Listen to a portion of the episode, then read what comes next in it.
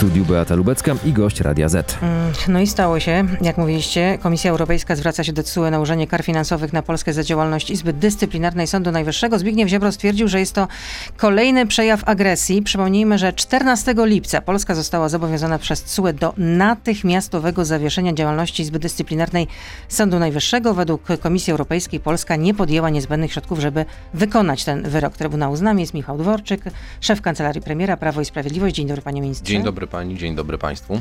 I co w takiej sytuacji zrobi polski rząd, rząd Prawa i Sprawiedliwości? Czy Izba Dyscyplinarna przestanie istnieć?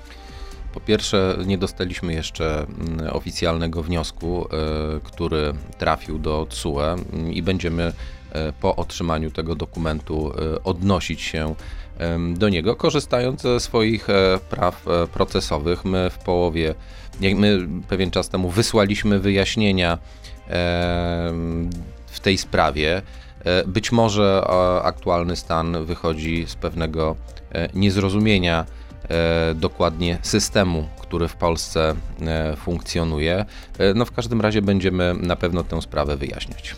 No ale do 16 sierpnia był czas, żeby rozwiązać ten problem. Tak, i w połowie sierpnia wysłaliśmy nasze wyjaśnienia. Być może właśnie. A co w tych wyjaśnieniach one... było?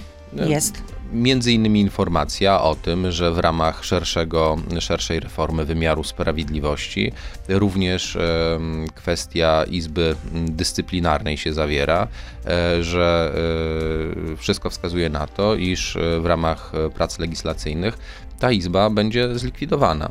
Natomiast, e, tak jak powiedziałem, być może jakieś kwestie zostały niezrozumiane przez komisję, więc będziemy te kwestie jeszcze wyjaśnia, wyjaśniać w ramach postępowania przed SUE.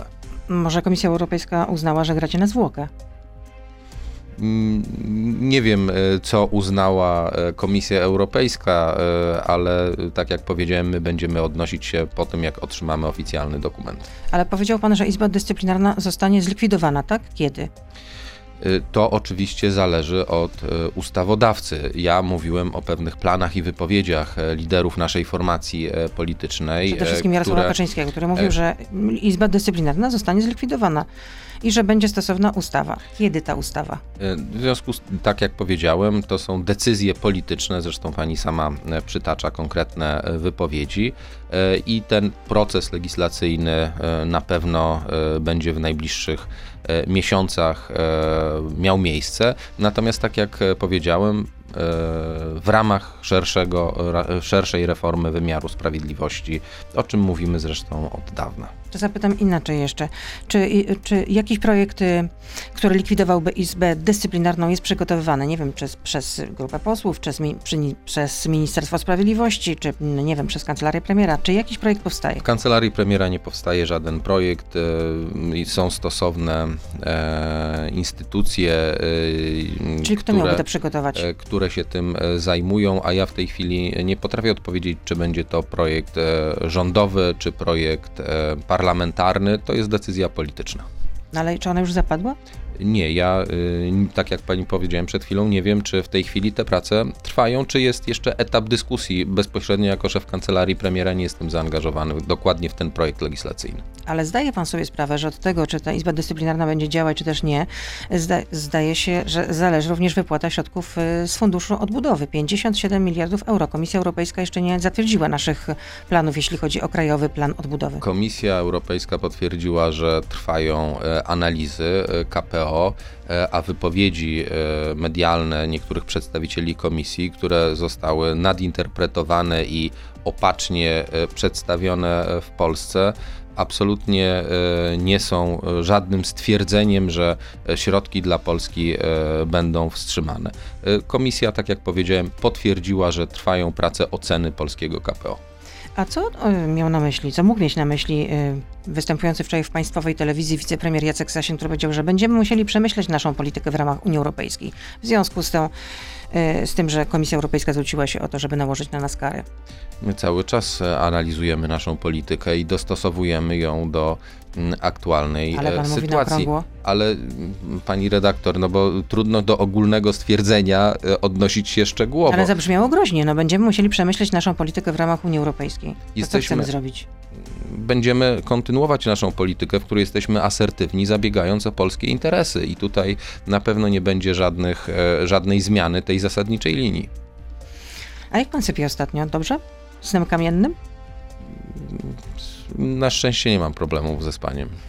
Dobrze, bo po aferze mailowej spekulowano, że pana pozycja w rządzie jest zagrożona, że może pan się pożegnać ze swoim stanowiskiem. Wie pani, gdyby y, politycy zajmowali się y, plotkami bądź komentowaniem plotek, to pewnie nic innego by nie robili, ponieważ y, tego no nie, rodzaju no, nie przekona mnie pan, że się wam, pan tym w ogóle nie przejął. tego rodzaju informacji e, na temat e, roszad, e, czy to w klubie parlamentarnym, czy to w Sejmie, czy to w rządzie jest sporo. Ja się plotkami nie zajmuję raczej. Rozumiem, że odetchnął pan ulgą, kiedy, z ulgą, kiedy ostatnio premier powiedział publicznie, że nie ma wobec pana żadnych negatywnych planów. Ja, podobnie jak inni członkowie rządu, jestem gotowy do pracy no, na każdym odcinku, na którym e, Nie rzucą. kierownictwo uzna, że akurat powinniśmy działać. W związku z tym ze spokojem podchodzę do tego rodzaju e, plotek i raczej się nimi nie zajmuję. A jak pan ocenia swoją pracę?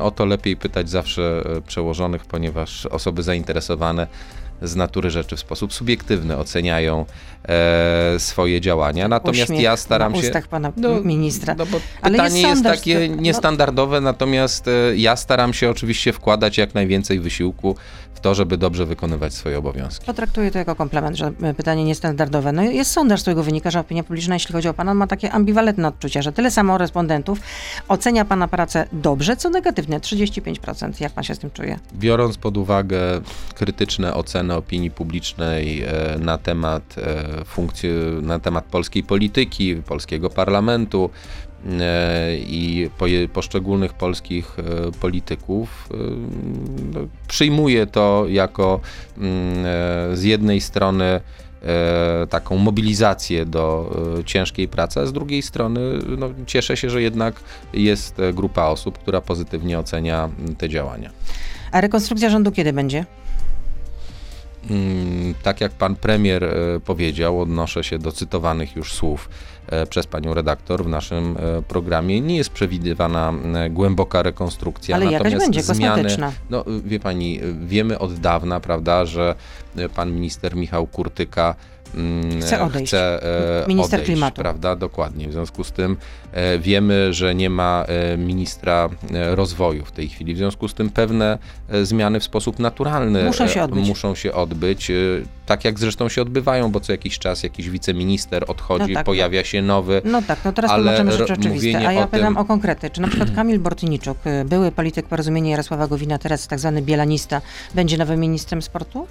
Ja nie wiem, żeby takie decyzje zapadły, a te decyzje są decyzjami koalicyjnymi, bo już wchodzimy w tej chwili e, tym pytaniem w obszar właśnie funkcjonowania Zjednoczonej Prawicy e, i e, koalicji i ustaleń koalicyjnych. Nie jestem w ścisłym kierownictwie Prawa i Sprawiedliwości, także takich ustaleń nie znam. Natomiast Ministerstwo Sportu dzisiaj bardzo dobrze funkcjonuje pod skrzydłami premiera Glińskiego i nie słyszałem e, tego rodzaju informacji, żeby coś miało się w tej sprawie zmieniać. Mm, jaka laurka dla ministra Glińskiego. To, to, to wszystko po prostu części... stwierdzenie faktu, dlatego że To- to wzrastają środki radiowej. na sport, e, Panie dzieje się dużo dobrych rzeczy. Ministrze, jesteśmy od teraz już na Facebooku, na Radio ZPL. Michał Dworczyk, szef Kancelarii Premiera z nami zostaje. Beata Lubecka, zapraszam. Dziękuję Proszę zostać z nami.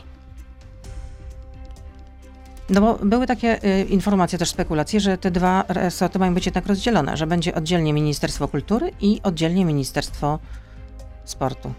Pan minister niesamowity jest, też od razu odpisuje na SMS-y, rozmawia ze mną. No, E, multitasking. Przepraszam. Nie szkodzi, E, nie szkodzi. Pani redaktor, no dużo plotek i spekulacji się pojawiało i cały czas się pojawia i tak było w polityce zawsze i pewnie tak będzie. E, Ja nie wiem o żadnych konkretnych e, decyzjach dotyczących zmian Czyli organizacyjnych nie słyszał pan, e, żeby te dwa ministerstwa miały być, żeby to ministerstwo miało być rozdzielone jednak na dwa, czyli powrót do Nie, starego. Plotki słyszałem oczywiście, dlatego że ich krąży bardzo dużo. Ale przecież Natomiast rozmawiał pan na bieżąco z ministrem, z, premierem Morawieckim. Jest pan jego z, jednym z najbliższych współpracowników, więc rozumiem, że jakieś informacje pan musi mieć. Ale mówimy w tej chwili o plotkach, które krążą między dziennikarzami, między politykami, a ja mówię o decyzjach. I żadne decyzje w tej sprawie, według mojej wiedzy, nie zapadły. Ale powtórzę jeszcze raz jak mantrę. te decyzje dotyczące struktury rządu, poszczególnych resortów ich obsady należą do kierownictwa partii, a w kierownictwie Prawa i Sprawiedliwości ja nie zasiadam. W związku z tym mogę nie mieć jakiejś wiedzy takiej bardzo pełnej. Natomiast o ile wiem, żadne decyzje w tej sprawie nie zapadły. Z pana skrzynki wyciekają kolejne domniemane maile i tym razem światło dzienne ujrzała korespondencja profesora Andrzeja Kisielewicza do pana premiera Morawieckiego.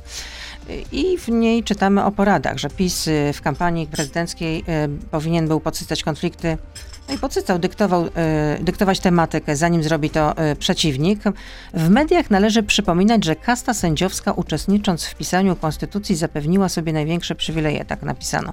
Tak doradzał właśnie profesor Kisielewicz Mateuszowi Morawieckiemu, premierowi. O tym pisze Onet. Pani odnosi się do e, informacji, które są e, publikowane na kontrolowanej przez e, rosyjskich hakerów stronie, a my, my powtarzamy konsekwentnie, że nie będziemy komentować żadnych informacji E, które e, są publikowane e, na stronie, która powstała w ramach właśnie przestępczych hakerskich działań. A bardzo chętnie jednak komentowaliście, będący w opozycji, te, te materiały z nielegalnych podsłuchów z Sowy i przyjaciół. Pani redaktor, Bardzo pow chętnie. mogę powtórzyć, że mamy do czynienia z materiałami, które są w części e, prawdziwe, w części sfabrykowane, w części zupełnie fałszywe. A ten mail jest prawdziwy, sfabrykowany? I przyjęliśmy e, tę zasadę, której się konsekwentnie trzymamy, że nie będziemy odnosić się do konkretnych wpisów czy do konkretnych informacji, e, bo o to właśnie e, chodzi e, przestępcom, którzy prowadzą te działania. E, żeby rozniecać napięcia, żeby budzić e, konflikty. Mm, my po prostu e, w tym scenariuszu nie będziemy brali udziału. W tej, w tej sprawie toczy się śledztwo. Został pan przesłuchany czekamy, jako osoba poszkodowana, tak słyszałam. Czekamy na wyniki tego śledztwa. No ale czy ten mail, o którym y, wspominałam, to pan widział na własne oczy? Pani redaktor, nawet jeżeli pani trzy albo cztery razy jeszcze powtórzy to samo, to ja będę odpowiadał w ten sam sposób. Nie odnosimy się do materiałów poszczególnych na, e, przez przestępców publikowanych. A jak teraz chronicie korespondencję elektroniczną? Służbową? Mm, tak jak e, zapowiadał to e, sekretarz stanu w kancelarii premiera odpowiedzialny za obszar cyberbezpieczeństwa, pan minister e, Cieszyński. W tej chwili dużo już skrzynek, jeśli chodzi, jeśli pani pyta o ministrów, bo nie wiem dokładnie jaki jest, jaki precyzyjny, no to jeżeli chodzi o ministrów, w tej chwili są wdrażane w życie nowe procedury, między innymi logowania przy pomocy klucza e, i, i to w sposób zdecydowany e, według ekspertów wzmacnia e, zabezpieczenie korespondencji mailowej. A nadal korzystacie z, z prywatnych skrzynek mailowych? Z prywatnych adresów na różnych portalach? W dzisiejszych czasach. Nie, ja mówię, jeśli chodzi o korespondencję służbową, tak jak to było przedtem. Pani redaktor, odnosiliśmy się wielokrotnie e, do tego e, i do kwestii oddzielenia spraw stricte politycznych od spraw stricte urzędowych i tych, które siebie przenikają. W związku z tym każdy, e, może nie każdy, ale większość polityków funkcjonujących w rządzie e, używa zarówno maila służbowego, jak i maila e, prywatnego, jak i komunikatorów. Tu już wyprzedzam pytania, dlatego że najczęściej padają w takiej serii i nie ma w tym nic nadzwyczajnego. W dzisiejszym świecie to jest powszechnym standardem. No jednak było to trochę zaskakujące, że nie korzystacie ze służbowej e, poczty mm, odpowiednio zabezpieczonej przez spec służby. Ale przepraszam bardzo, po pierwsze e, wszyscy członkowie rządu korzystają e, z poczty służbowej. Po drugie, jak pani zobaczyła mm, i wszyscy mogli inni się o tym przekonać. Hakerzy mm, opublikowali również E, treść e, po włamaniu do skrzynek sejmowych. 11, e, 11 parlamentarzystów padło ofiarą i czy ich skrzynki padły ofiarą tego ataku. W tym była tam również moja skrzynka. Parlamentarzyści absolutnie, absolutnie z wszystkich klubów parlamentarnych, prawda? W związku z tym w dzisiejszych czasach to nie jest kwestia, jeśli już wchodzimy w takie szczegóły, w dzisiejszych czasach to nie jest kwestia tego, że na domenie rządowej czy publicznej E, czy prywatnej da albo się nie da e, złamać e, jakiegoś zabezpieczenia. To jest kwestia odpowiednio zaangażowanych sił i środków przez osoby, które taką przestępczą działalnością się parają. No, opozycja miała taką teorię, że po prostu się boicie Mariusza Kamińskiego i w związku z tym wymienialiście e, informacje dotyczące stricte również pracy. I wie że... pani, gdyby odnosić się do każdych najbardziej oderwanych od rzeczywistości e, opinii e, koleżanek i kolegów z opozycji, to nic byśmy nie robili, tylko właśnie Czyli prowadzili nie boicie takie się Mariusza Kamińskiego. E, dywagacje, tak? E, które nie mają nic wspólnego z rzeczywistością. Czyli nie boicie się Mariusza Kamińskiego. E, ale pani redaktor, co to w ogóle za pytanie? No- Koordynator no... do spraw służb specjalnych, przypomnę, a także oczywiście szef MSWiA. Ale ja wiem doskonale, kim jest minister. Przypominam e, naszym słuchaczom i widzom. Kamiński. Ja wiem, Myślę, że, że widzowie i słuchacze również e, czasami, wiedzą o tym. Pan czasami minister, coś umyka. Pan minister e, w tej chwili jest skupiony na działaniach zabezpieczających granicę polsko-białoruską. No nie wiem, czy pan wie, że wczoraj jeden z reporterów, który czekał na konferencję w kancelarii premiera, sfotografował i zamieścił to zdjęcie w internecie, w sieci. Pozostawiony służbowy laptop z otwartą pocztą Gmail. Stał po prostu, absolutnie można go było obej obejrzeć i tam zerknąć, co tam jest napisane. Ale czy pani sugeruje, bo ja nie znam tej sprawy, natomiast nie zakładam, tego, tak? że tak, zakładam, że właśnie to wygląda tak, jak pani mówi, że był jakiś laptop otwarty, tak, prawda, gdzie tak, była z otwartą e, pocztą Gmail. poczta Gmail, ale czy pani uważa, że powinno się wprowadzić zakaz używania prywatnej e, poczty E, nie, na tylko, urządzeniach, które nie, się tylko, wykorzystuje w pracy. Poczta chyba nie powinna być otwarta. Chodzi mi o to, czy afera mailowa niczego nie nauczyła pracowników administracji rządowej, że nie zachowują należytej ostrożności. Zostały, i namawiam, żeby porozmawiać o tym z ministrem e, Cieszyńskim, zostały wprowadzone nowe Chętnie procedury, nowe szkolenia, zostało dwustopniowe e, weryfikowanie Mm, poczty y, dla y, osób na kierowniczych stanowiskach wprowadzone, no to są wszystko fakty. A mówienie, że ktoś gdzieś zobaczył albo zrobił zdjęcie skrzynki na Gmailu, E, przy której e, był czy nie było pracownika kancelarii. Ja nie wiem, proszę pani, patrząc na to, co dzisiaj nie media... w jaki, trochę sprawy? Nie, nie bagatelizuję w ogóle, natomiast odnoszę się do tego, jak dzisiaj nierzetelnie potrafią media różne e, sprawy przedstawiać. Nie mówię, że tak było akurat w tym przypadku, natomiast no, odnoszenie się do takiej informacji, że ktoś wrzucił na jakiego, jakiegoś tweeta, prawda, z jakimś zdjęciem, jakiegoś laptopa, gdzieś w KPRM-ie, no przyzna pani, że to niezbyt poważnie brzmi. Michał Dworczyk, szef Kancelarii Premiera Prawa i Sprawiedliwości z nami. Panie, e, panie premierze, hmm. no niektórzy pana typowali na stanowisko premiera.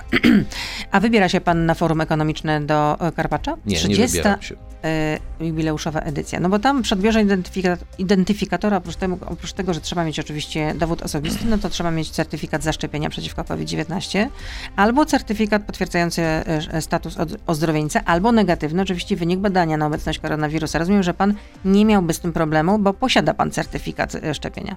Tak, oczywiście jestem zaszczepiony szczepionką firmy AstraZeneca. No bo na przykład będzie tam Krzysztof Bosak e, z Konfederacji, który ma tam wystąpić i publicznie nie chciał się przyznać do tego, czy został zaszczepiony, czy nie został zaszczepiony. Nawet w tym programie pytałam o to pana posła i pan poseł mówił, że to jest prywatna jego sprawa właściwie między nim a lekarzem. No to taka osoba będzie miała problemy? No, tego nie wiem, trzeba zapytać organizatorów e, forum e, w Karpaczu. Natomiast no, rzeczywiście w tym sensie, że to jest sprawa pomiędzy taką osobą czy lekarzem, to mogę przyznać panu E, posłowi rację, natomiast e, jeżeli organizator e, stawia taki warunek, no to pan poseł będzie musiał się z tym jakoś zmierzyć. No ale dla pana nie ma problemu, żeby powiedzieć o tym publicznie, że został nie, pan nie zaszczepiony. Ma, nie ma dla mnie problemu, ale szanuję ludzi, którzy mają odrębne zdanie. A czy rządzący wiedzą, że y, do tego polskiego Davos przyjechał Jurij Woskresiński, reprezentant Mińska. Miał pracować dla białoruskiego, czy też ma pracować dla białoruskiego KGB, o czym donosi na Twitterze Tadeusz Giczan, białoruski dziennikarz opozycyjny, pisząc, że to jest etatowy pracownik KGB właśnie. Dowiedziałem się o tym z mediów społecznościowych wczoraj wieczorem. No myślę, że ta sprawa jest do wyjaśnienia, ale dla organizatorów forum to nie jest e, rządowe przedsięwzięcie, ani e, rządowy projekt i to jest pytanie do organizatorów forum, kto i dlaczego zostaje tam zaproszony. W, w, specjalnej aplikacji dla y, uczestników tego forum y, widnieje opis, że właśnie Juri Woskresieński jest reprezentantem Mińska i że to politolog tak jak powiedziałem, no, opieramy się na informacjach pochodzących z mediów społecznościowych, e, więc warto i myślę, znając organizatorów forum, że na pewno rzetelnie sprawdzą te informacje. Jestem przekonany, że świadomie nikt e, pracownika KGB nie zaprosiłby e, do e, Karpacza. Czyli rozumiem, że jako, że to jest e, prywatne przedsięwzięcie, to tutaj spec-służby nie sprawdzają zaproszonych na, na forum. No, ale jak pani sobie redaktor wyobraża. No nie wyobrażam czy sobie. Polskie służby, w tym przypadku Agencja Bezpieczeństwa Wewnętrznego, miałaby na wszystkie kongresy międzynarodowe, wszystkie naukowe przedsięwzięcia, a takich wiemy, że w Polsce są dziesiątki i setki, weryfikować uczestników, którzy przyjeżdżają na przykład ze wschodu, już żebyśmy się ograniczyli tylko do tego najbardziej wrażliwego obszaru, to jest niemożliwe. Agencja Bezpieczeństwa Wewnętrznego i polskie służby mają określone ustawowo zadania i je wypełniają. Natomiast... Ale pan jest jednak tym faktem trochę zbulwersowany, zszokowany, czy nie wiem, zaniepokojony? Jednak mówimy o Oczywiście, nie pod... no, jeżeli to jest prawdziwa informacja, bo znowu odwołujemy się do mhm. tego, że przeczytaliśmy coś w mediach społecznościowych, -hmm. prawda, i teraz dyskutujemy o tym fakcie na razie Ale medialnym. Ale też często jednak Uważam, że powinna ta sprawa być zweryfikowana przez organizatorów tego rodzaju imprezy, no w tym wypadku forum e, w Karpaczu e, i jestem przekonany, znając i pana Berdychowskiego i inne osoby zaangażowane w organizację tego forum, że na pewno nikt przedstawiciela KGB by nie zapraszał. E, więc jeżeli ta informacja się potwierdzi, to na pewno zostaną wyciągnięte z tego wnioski. I jeszcze przypomnijmy, że pan Berdychowski to pomysłodawca. Tak, i wieloletni organizator, pomysłodawca i wieloletni organizator.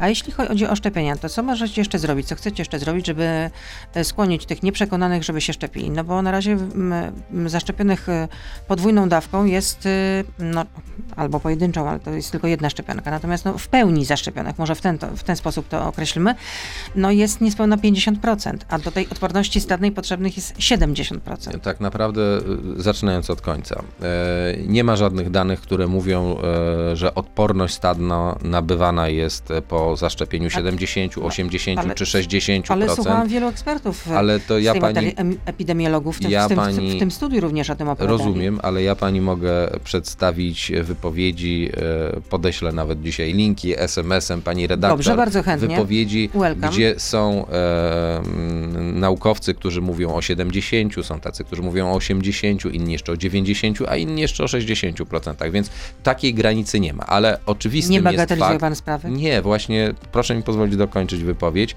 Oczywistym jest fakt, że powinniśmy być zainteresowani tym, żeby maksymalnie duża część populacji została zaszczepiona. To jest absolutnie bezdyskusyjne. To po pierwsze. Po drugie, e, mamy do czynienia e, z sytuacją w Polsce, która no, również jest faktem i nie ma co tutaj e, ukrywać, że Polacy, dorośli Polacy są sceptycznie nastawieni do szczepień. Bardzo dobrze pokazuje to takie badanie wykonane przez OECD, gdzie mm, dotyczy badanie szczepień osób dorosłych przeciwko grypie na 21 krajów, Polska jest na 20 miejscu. No, pan jeżeli prezydent chodzi, też mówił w kampanii, że się nie szczepi przeciwko grypie. o szczepienia przeciwko COVID jest trochę lepiej, bo na te 21 krajów jesteśmy na 17 miejscu. Ale to tak czy inaczej jest oczywiście niesatysfakcjonujący wynik i to nie jest żadne usprawiedliwianie, prawda, czy bagatelizowanie tematu, to jest wskazanie na pewien fakt. I teraz jak możemy sobie z taką sytuacją, gdzie postawy społeczne są takie, a nie inne poradzić? Są tylko dwie metody. Pierwsza, która wymaga czasu, to jest edukacja, czyli mm, długofalowy projekt e, zmierzający do e, zmian postaw społecznych. Ale co to znaczy edukacja? To jest edukacja tak, na poziomie e, Polaków? młodzieży, dzieci, ale i osób dorosłych, czyli ale seminaria, zajęcia w szkole, to już się zaczyna dziać. Są zajęcia w szkole, Ministerstwo Edukacji Narodowej ma tutaj cały program, w którym przekazywane są rzetelne informacje na temat szczepień, zresztą nie tylko przeciw COVID, tylko szerzej. E, są webinaria organizowane dla rodziców, czyli dla osób dorosłych, kampanie informacyjne, no, szereg działań, krótko mówiąc, które są na, obliczone na zmianę postaw społecznych, ale do tego potrzeba czasu. Tu na pewno efektu nie będzie z tygodnia na tydzień czy z miesiąca na miesiąc. Bo loteria No nie druga- wypaliła. Nie, to nie to, że nie wypaliła. Nie wypaliła, Szereg no. dział... Nie no, proszę pani, jeżeli w listopadzie e, rok temu było 30% osób, e, które myślały o tym, żeby się zaszczepić, a dzisiaj e, mamy e, ponad 60% osób e, na to zdecydowanych, prawda? A jeśli mówimy o dorosłej populacji, to zaszczepionych dwiema lub jedną dawką jest e, blisko 60% e, m, populacji, no to y, znaczy, że jednak nastąpił olbrzymi skok osób, które się zdecydowały na szczepienie, Ja rozumiem, prawda? pan swojego, Nie, swojego pomysłu. Ja no, stwierdzam, ale nie, proszę pani, ja ale Polacy stwierdzam i Polki fakty nie i- zaczęli po prostu jakoś e, masowo szturmować punktów szczepień. Pan- Znaczy, proszę pani, czy y, wzrost zainteresowania szczepieniem z 30 do 60 kilku procent to jest progres, czy nie? Jest progres, ale, jest to, pod wpływem, ale to jest pod wpływem loterii właśnie. A to się stało. Nie, ja mówię o szeregu działaniach, e, które zostały no, podjęte ja w ciągu ostatnich miesiącach. jednak, no, ten pomysł nie za bardzo wypalił. Może tak, no. Proszę pani, a zmierzy pani w takim razie, w jakim stopniu wypaliła kampa- kampania informacyjna, profrekwencyjna, e, loteria, konkursy dla samorządów, zaangażowanie Straży Pożarnej, kół gospodyń wiejskich i tak dalej. Można by wyliczać, bo to były dziesiątki działań, których suma spowodowała, że dwa razy więcej Polaków dzisiaj jest zdecydowanych, żeby się zaszczepić, niż było jeszcze kilka miesięcy temu. I teraz e, złoty puchar dla tego, kto powie, że akurat ta metoda wpłynęła najbardziej na to, że te postawy się zmieniły. Te postawy się zmieniły, ale osiągnęliśmy pewien sufit, uważam, który będzie bardzo trudno przełamać. Jedna metoda jest ta, o której mówię, długofalowa, a druga metoda, jeżeli ktoś chce uzyskać z dnia na dzień efekt, to jest wprowadzenie przymusu szczepień. My nie chcemy wprowadzać To przymusu wiem, to szczepień. mówiliście, że nie będzie przymusowych szczepień, e, absolutnie nie. Pozostaje nam e, długotrwała Przekonywać, edukacja i przekonywać, przekonywanie edukować. e, Polaków. Jest to zadanie nie tylko dla rządu, nie tylko dla szkoły, to jest zadanie dla nas wszystkich, bo sprawa dotyczy wszystkich Polaków. I naszego bezpieczeństwa. A fundusz kompensacyjny szczepień ochronnych to kiedy zacznie działać? E, O ile pamiętam, w ustawie e, jest wpisany początek działania tego funduszu od nowego roku. Dopiero, bo pamiętam, że rząd zajmował się tym pod koniec lipca, przyjął te, ten projekt ustawy. Ale jeszcze, pani, pani redaktor, proces legislacyjny Ja trwa. wiem, no wiem, Dokładnie przecież pani Sejm to musi przecież o tym wie, no, dlatego że oczywiście. najpierw są konsultacje społeczne i międzyresortowe, potem przyjęcie zawsze tak przez jest, jest Stały Komitet Rady jest- Ministrów. bardzo, tak, tak, ale tutaj był, 48 ale nie, nie, ale pani redaktor, no przepraszam, to jest na tyle skomplikowany projekt, że puszczenie go drogą poselską, która jest rzeczywiście szybsza, ma pani rację, no byłoby złym pomysłem. Jest to projekt Ministerstwa Zdrowia. Po wszystkich właśnie tych e, etapach rządowych i przyjęciu przez Radę Ministrów trafił do parlamentu, Sejm, Senat, czasami jeszcze poprawki po, z Senatu wracają e, do Sejmu i podpis prezydenta. Także no, ten Od proces nowego roku fundusz niestety, kompensacyjny. czy niestety, ale trwa. Ma działać. No trochę to potrwało, miało, to, ten fundusz powinien powstać chyba jednak wcześniej. Może stąd bierze się trochę Tylko taka proszę pamiętać, pani Polaków. redaktor, że cały czas e, są możliwości, jeżeli ktoś e, poniósł szkodę, są możliwości dochodzenia e, od Skarbu Państwa, e, odszkodowania. Tylko, że jest to oczywiście droga trudniejsza, dlatego że prowadząca przez sąd. Natomiast no, nie właśnie. mówmy, że gdyby ktoś.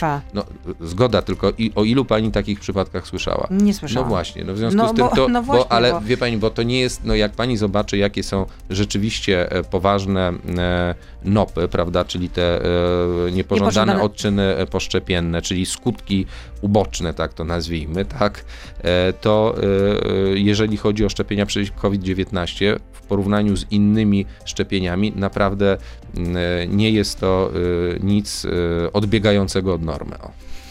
Pytam pana ministra, pan minister jest pełnomocnikiem do spraw Narodowego Programu Szczepień. To od kiedy szczepionki będą płatne, ile będą kosztować? Nie ma takich decyzji. E, Są w ramach tej dyskusji, która się toczy przede wszystkim wśród naukowców, wśród lekarzy, e, różnego rodzaju propozycje, natomiast między innymi jedną z nich e, jest kwestia wprowadzenia odpłatności, no bo dzisiaj iniekcja za iniekcję płaci się e, 60 zł podmiotowi leczniczemu, to oczywiście w zależności, bo są też droższe, jak są to wyjazdowe szczepienia, to jest e, wyżej wycenione przez NFZ e, takie szczepienie, ale przyjmijmy, że jest to 60 zł. Dzisiaj e, jest to bezpłatne. Pojawiły się takie pomysły wśród niektórych ekspertów, żeby wprowadzić taką odpłatność, ale żadnych decyzji w tej sprawie nie ma. Ale rzecznik rządu dwa dni temu to powiedział, że prawdopodobnie od nowego roku. Prawdopodobnie. Że może tak być, że to jest jedna z propozycji, prawda? Natomiast ja nie wiem, w tej chwili być może e, pan minister e, Miller e, był po rozmowie z przedstawicielami Rady Medycznej, tego nie wykluczam. Ja, ja po prostu nie mam Pan jest takiej wiedzy, ale pani redaktor, przede wszystkim moim zadaniem było zorganizowanie systemu szczepień, który dzisiaj dla wszystkich jest, a oczywiście mamy te 7 tysięcy punktów, w których są wykorzystywane No ja szczepienia. wiem, że to nie było takie A proste. to była na to wstrzyknięcie. naprawdę e, duża praca i duże wyzwanie. Natomiast cały czas, jeśli chodzi o sprawy merytoryczne, przecież podejmują decyzje przede wszystkim lekarze i eksperci, a nie politycy. A ile będzie kosztować taka szczepionka? Jakieś widełki pan poda chociaż? Nie, wiem. dlatego, że jeżeli nie ma jeszcze decyzji, to trudno mówić o takich szczegółach, o które pani redaktor Tajemniczy jak pyta. Don Pedro, po prostu z krainy deszczowców, pan minister. Nie wiem, czy pan słyszał, mm, to jest news naszego dziennikarza, reportera śledczego Mariusza Gier Gierszewskiego, który opisał sprawę, że Jacek Sasin, wicepremier, jeden z najbliższych e, współpracowników e, prezesa Prawa i Sprawiedliwości i minister aktywów państwowych, miał się stać ofiarą anonimowego donosu i maile opisujące szczegóły jego urlopu w Hiszpanii trafiły m.in. do dziennikarzy. Anonimowo rozsłano dane wrażliwe, na przykład wideo nagrane z ukrycia. Co pan na to? Mogę powiedzieć tylko tyle, że brzydzę się wszelkimi donosami, niezależnie kto jest ich autorem i odbiorcą. E, Jeżeli e, tego rodzaju e, działania ktoś przeprowadził, no to jest to absolutnie skandaliczna, niedopuszczalna sytuacja e, i trudno o inny komentarz w tej sprawie. Ale dlaczego tak się stało, pana zdaniem? Ale pani redaktor, nie mam pojęcia. Nie mam pojęcia, czy tak się stało, bo dowiedziałem się wczoraj o tej sytuacji z mediów. Nawet z Jackiem nie rozmawialiśmy e, od tego czasu, więc e, nie wiem jakby co on na ten temat na przykład wie. No krótko mówiąc, wiem o sprawie z mediów i jeżeli rzeczywiście taka sytuacja miała miejsce, no to absolutnie jest to niedopuszczalne. A czy to oznacza, że jest jakaś wojna polityczna w obozie władzy?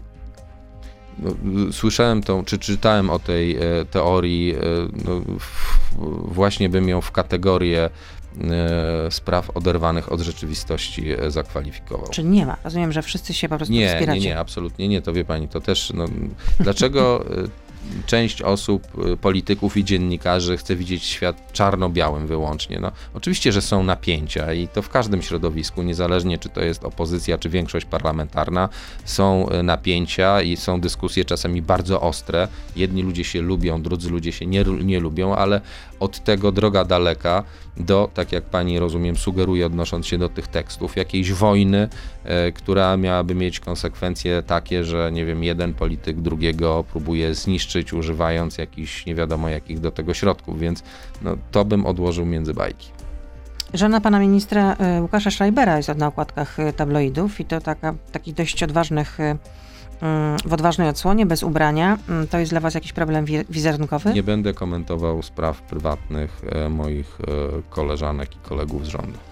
Ale chodzi o żonę jednak konserwatywnego polityka z Prawa i Ale Sprawiedliwości. ja w tej sprawie nie będę udzielał żadnych komentarzy. A premier rozmawiał może z panem ministrem na, na ten temat, żeby, nie wiem, jakoś to wyjaśnić? Zna pani redaktor, że pomilczymy. Y, Czyli nie chce pan absolutnie O życiu prywatnym, wie pani co, uważam, że życie prywatne, e, każdy do życia prywatnego ma prawo. Ale rzeczywiście, ja tego I wcale nie e, neguję, tylko prowadzenie że to... dyskusji e, publicznie na takie tematy, nie wiem czemu ma służyć. E, Tylko, że to już nie jest sprawą prywatną, dlatego że o tym rozpisują się po prostu y, gazety, tabloidy. No a I tabloidy chce to pani akurat. się wpisywać e, w e, dyskusje, które są prowadzone w tabloidach? Ale też chodzi o to, że są to gazety najczęsty, najczęściej kupowane, w związku z tym no, nie można udawać, że tego nie ma i przymykać oczu. No to jednak jest. y, Proszę to stało pani, się domeną publiczną po prostu. No. Rozumiem pani stanowisko, natomiast proszę uszanować moje. Czyli nic pana w tej, nic z pana tutaj nie wydobędę. No, spróbuję jeszcze zadać jakieś pytanie od słuchacza, y, jak pod warunkiem, że otworzę swoją pocztę. Nomen omen, właśnie rozmawialiśmy o poczcie, ale coś nie wiem.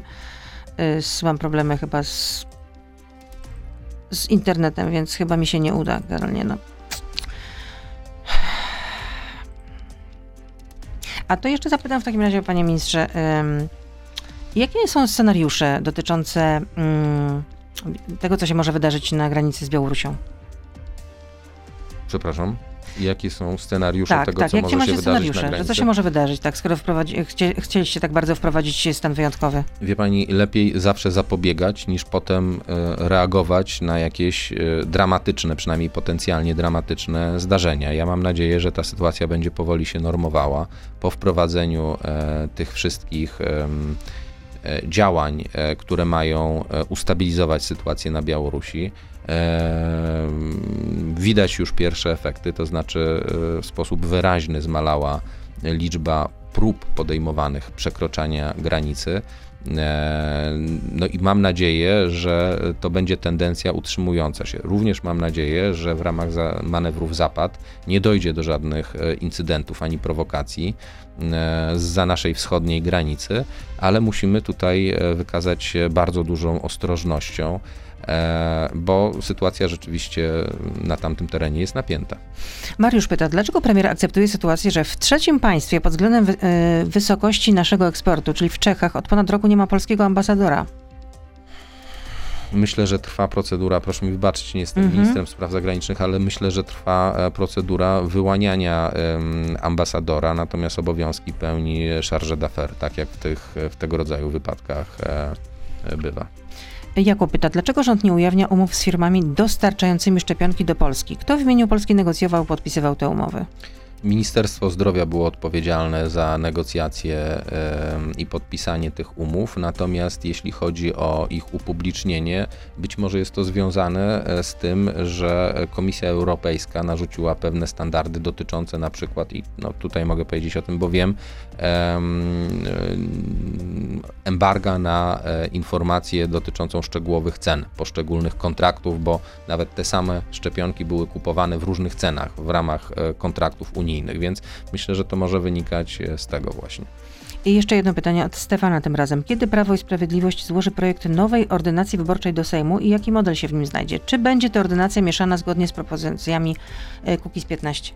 Ja nic nie wiem na temat tego, żeby trwały e, prace na tema, e, nad ordynacją, nowelizacją ordynacji wyborczej. Jeśli chodzi o mm, e, Pawła Kukiza, no to w tej chwili trwają prace nad innymi projektami ustaw, które e, są przez jego środowisko proponowane. Natomiast e, nie słyszałem o tym, żeby nad, nad ordynacją wyborczą były prowadzone prace. I to już naprawdę ostatnie pytanie. Nigel pyta, kiedy do dymisji Adama Niedzielskiego, Waldemara Kraski, to są minister, wiceminister zdrowia i Krzysztofa Saczki. Kiedy, przepraszam, co? Kiedy? Kiedy dymisję Adama Niedzielskiego, Waldemara Kraski i Krzysztofa Saczki? Nic nie słyszałem o dymisjach w Ministerstwie Zdrowia i nie ma też ku temu żadnych ani merytorycznych, ani politycznych przesłanek. Tu rekonstrukcji nie będzie. Tak jak powiedziałem, nie ma żadnych przesłanek e, do tego rodzaju zmian. Dziękuję za wizytę w naszym studiu. Dziękuję Fajnie się spotkać tak face to face, twarzą w twarz, bezpośrednio. Michał Dworczyk, e, szef Kancelarii Premiera Prawo i Sprawiedliwość był z nami. Dobrego dnia życzę i oczywiście nieustająco zdrowia. Dziękuję, również życzę zdrowia, miłego dnia. To był gość Radia Z. Słuchaj codziennie w Radio Z i na player radioz.pl.